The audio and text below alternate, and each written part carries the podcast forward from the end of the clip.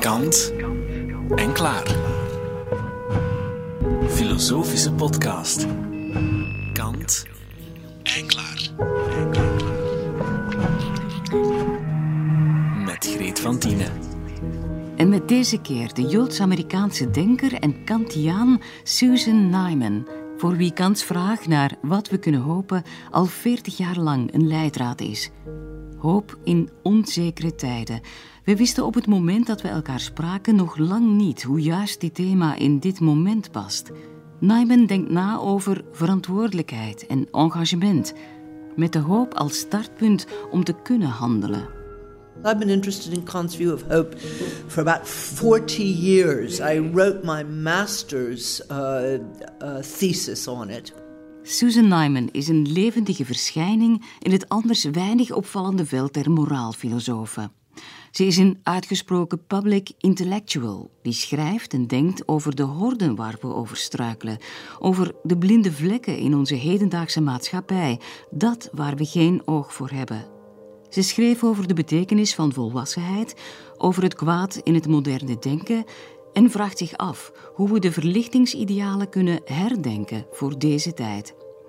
Ze is directeur van het Einstein Forum in Potsdam, een instelling die het maatschappelijk debat wil bevorderen.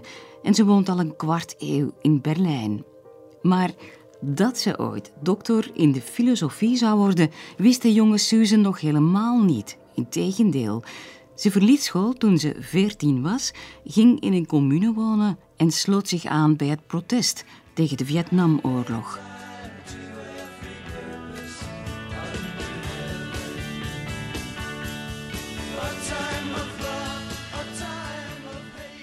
I did leave school when I was 14. It was 1969. I didn't want to miss the revolution. And uh, it was the most interesting thing going on in much of the world, and certainly in the United States. Anti-war demonstrators protest U.S. involvement in the Vietnam War. The estimated 125,000 Manhattan marchers include students, housewives, beatnik poets, doctors, businessmen, teachers, priests, and nuns. And so I went and lived in a commune and uh, uh, demonstrated against the war, and did more than demonstrate, tried to be active. Which is not to say that my mother approved of my dropping out of school living in a commune. She did not. Uh, but having this example of being part of a minority uh, in the white population of people who supported the civil rights movement certainly influenced my later decisions. And we did see in, in America the anti war movement and the various other kinds of movements as being modeled on the civil rights movement.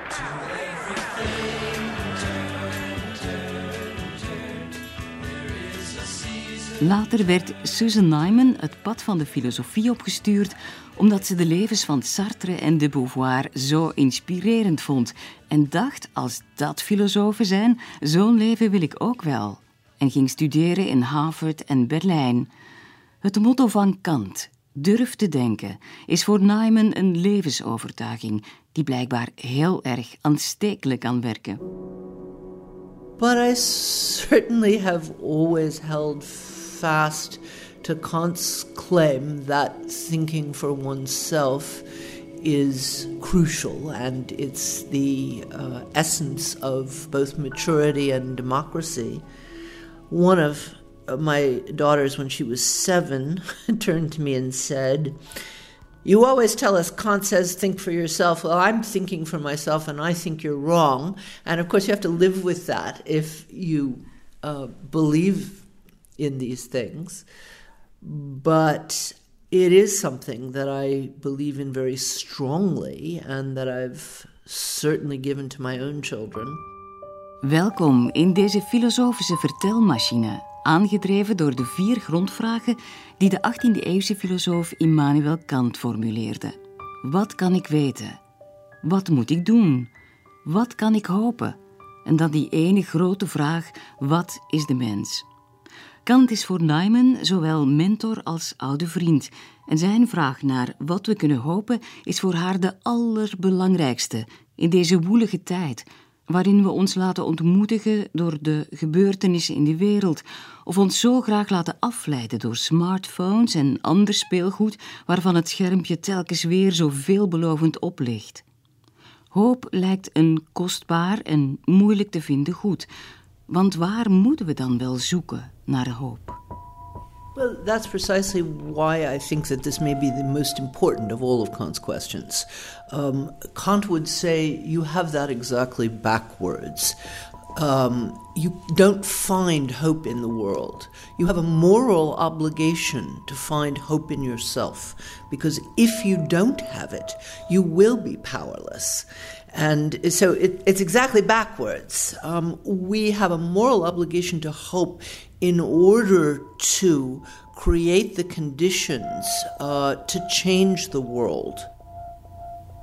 I would add to that by saying resignation is a tool of the right or a tool of conservatives, uh, precisely by uh, trying to convince us that everything is bad and getting worse, and it's doing so by uh, almost a law of nature. It's a self fulfilling prophecy on their part because, of course, they convince everyone uh, that uh, there is no point in doing anything. Nyman heeft het niet over halfzachte hoop of over een vaag optimisme dat je als een troostende deken over je heen kan leggen om dan lekker door te slapen. De Kantiaanse hoop is een morele plicht vanuit jezelf, die je nodig hebt als je verantwoordelijkheid wil opnemen en aan de stand der dingen wil gaan morrelen. En dat vereist een heldere blik op de wereld zoals die is en tegelijk op de wereld zoals die zou moeten zijn. I remain and will presumably always remain a Kantian. One is that I do believe we have a moral obligation to hope. And the other is, which is in some ways connected with it, that I think the, the most important distinction in the world is the distinction between the way the world is and the way the world ought to be. And that being grown up and autonomous means acknowledging that distinction, never collapsing the one into the other, and trying to live with an eye on both. Yes. That is Kant in a nutshell, but I think it's a feet on the earth and look at the stars. It, precisely, precisely. That's a great quote. And I, but I think the nutshell is the right nutshell, and uh, in those ways, I will remain a Kantian. Dat onderscheid tussen de reële en de ideale wereld is erg belangrijk, zegt Nyman. Want net in die mogelijkheid om te streven naar iets beters vind je hoop. Hoop zit dus net in die kloof tussen wat er is en wat je zou wensen. Kant formuleerde het in zijn kritiek van de praktische reden met deze beroemde woorden. Twee dingen vervullen de geest met steeds nieuwe en toenemende bewondering en eerbied. De sterrenhemel boven mij en de morele wet in mij. Onze positie is nietig, maar niet niks. Het is die nietige mens die toch nadenkt over zijn morele verantwoordelijkheid en deze ook op kan nemen. I once had a long uh, email exchange with a conservative philosopher who uh, told me he thought my views were much too liberal and too optimistic. Again, I am not an optimist. Optimist is a set of claims about how the world is. And how the world is at this moment is pretty awful. Op een keer had ik een lange e-mailcorrespondentie met een conservatieve filosoof die me verweet dat ik te optimistisch was. En ik ben helemaal geen optimist. Optimisme is bepaalde beweringen doen over de toestand van de wereld. Die is op dit moment vreselijk als je het mij vraagt. Maar hoop gaat over wat we met die wereld kunnen doen. Uh, hope is a claim about what we can do with the world and what is possible. And I think this philosopher did confuse them and said, well, it was all very nice, and he thought my, my work was interesting, but it was, it was much too optimistic for him. And he thought the world was going to hell in a handbasket and so on and so on. And finally, I partly to end this exchange, I said, Look, I have three children, and I have to when I get them up in the morning and uh, help them, help prepare them for their day and for their lives. I have no choice but to presuppose that the world is going to go on. Ik schreef hem dat als ik mijn drie kinderen wil voorbereiden op de dag en op hun leven, ik ervan moet uitgaan dat die wereld wel verder gaat, dat die niet teloor gaat met ons. And then he wrote me back a single line. I have no children to hope or to fear for. And I thought, gosh, this is almost an argument for having children. I don't mean to say that everybody needs to have children. Um, you cannot wish for, if you see these marvelous young people, and many of them are marvelous, you cannot wish for the deluge, you know, après moi le déluge. You, you cannot wish that. Um, you you have to hope that the world will go on, and then you have to take some form of responsibility for its doing so. Een van de leugens van deze tijd is dat hoop alsmaar moeilijker te vinden is naarmate je ouder wordt. Die misvatting bestrijdt ze al jaren. Toen ze 60 werd, schreef ze er zelfs een boek over. We are told constantly. Every single advertising message, every single media claim, every single thing that, uh, I mean, not every single thing, but a great deal is the best time of your life is the time between about 18 and 28. And uh, it's all going to go downhill from there. But if you truly introspect into your own experience, I have yet to meet anyone who would like to relive their 20s. They're very difficult times. Uh, you're trying to figure out who you are and what you want to do with your life and what your strengths and weaknesses are, and you're figuring out your first professional um, quandaries and your romantic life. And on top of it all, you have these people saying, I mean, not, not, it may not even be particular people, it's a message from the entire culture saying, enjoy it now, kid, because it's only going to get worse. Being a grown up means being able to keep one eye focused on the way the world is, and one eye focused on the way the world ought to be, and acknowledging that both those things make claims on us, which is why being a grown up is quite hard. I mean, it'd be totally easy to resign. Volwassen zijn is moeilijk en frustrerend, zegt Neiman. Je moet constant je evenwicht zien te bewaren, balanceren op het scherp van de snee. Het opgeven zou maar al te makkelijk zijn. I couldn't. It's not the way that I'm made. But um, you, you, know, I I could certainly imagine going off to a beautiful place, uh, smoking a lot of weed, and you know, looking at the birds and the trees, and saying there is absolutely nothing I can do to um, push the world a little bit forward, or at least hold it from falling backwards. So resignation or being a grown up in that sense is very easy. Being a grown up in a Kantian sense that I argue for is something um, that's actually quite frustrating. It's rather difficult. It means maintaining a sense of balance. And we all know from, uh, you know, just even physical maintaining of balance, it's not an easy thing to do. But Kant argues it's a moral necessity. Ze zou best naar een mooie plek kunnen gaan en hele dagen wiet roken, bijvoorbeeld. Maar berusten staat niet in haar genen geschreven. Haar moeder, een gewone huisvrouw in het zuiden van Amerika, was tegelijk ook activist voor de desegregatie van de scholen in Atlanta. En de 13-jarige Susan liep voor het eerst mee in een demonstratie tijdens de begrafenis van Martin Luther King. I have the pleasure to present to you Dr. Martin Luther King, Jr. My mother was not a politician. She wasn't an intellectual. She was a housewife who was on the right side of things and uh, got involved in the campaign to desegregate the Atlanta public schools. I am happy to join with you today in what will go down in history as the greatest demonstration for freedom in the history of our nation. And so I could see as a child, she and her friends, none of whom were, um, uh, uh, you know, famous or, or um, you know, the kinds of figures you read about in history books, but who, by working together, actually moved the world forward a bit. And that was certainly a very important experience for me. Dream that one day little black boys and black girls will be able to join hands with little white boys and white girls as sisters and brothers. I have a dream today.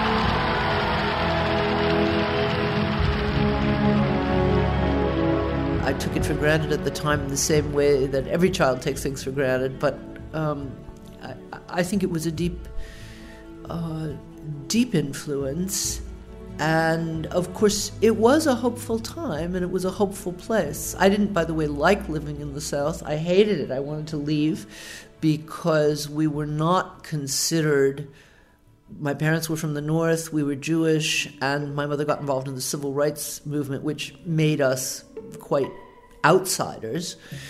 But it brought me two things. First of all, it brought me an experience of being an outsider, which I suppose I've been in this strange inside outside uh, life all my life as regards other cultures. But it did give me this experience that um, it is possible to change the world for the better. Ergens schrijft Neiman dat het voorbeeld van haar moeder om solidair te zijn met de onderdrukte haar ook naar het werk van Immanuel Kant stuurde, die droge Pruisische professor die over de metafysica van universele rechtvaardigheid schreef. Hij deed dat dan nog op zo'n heldere manier dat het ook over ons gaat, zoveel later.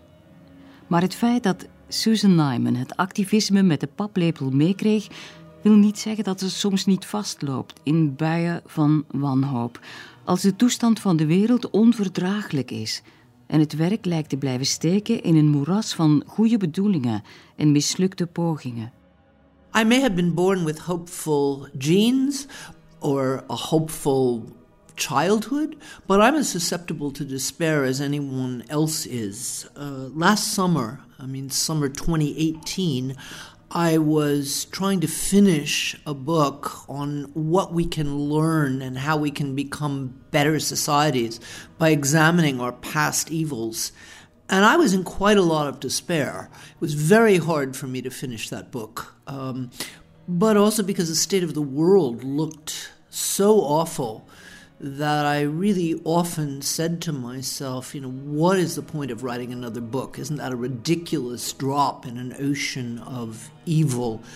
I had to force myself to keep working on it uh, because uh, the world looked so bleak. And uh, in those moments, I really did remember what Kant calls rational faith, which is another way of looking at his set of views on hope, which is that you are required to believe that progress is possible because if you don't believe that, uh, uh, you won't make any contribution to it.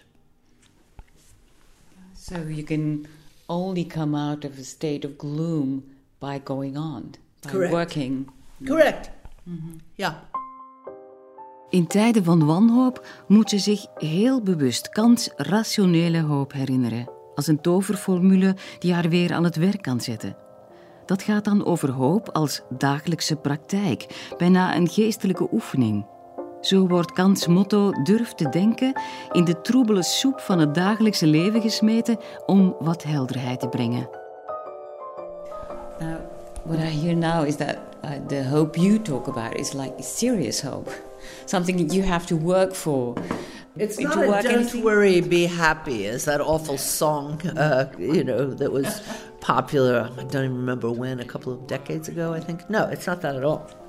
It's do worry, be hopeful. Okay, that's nice.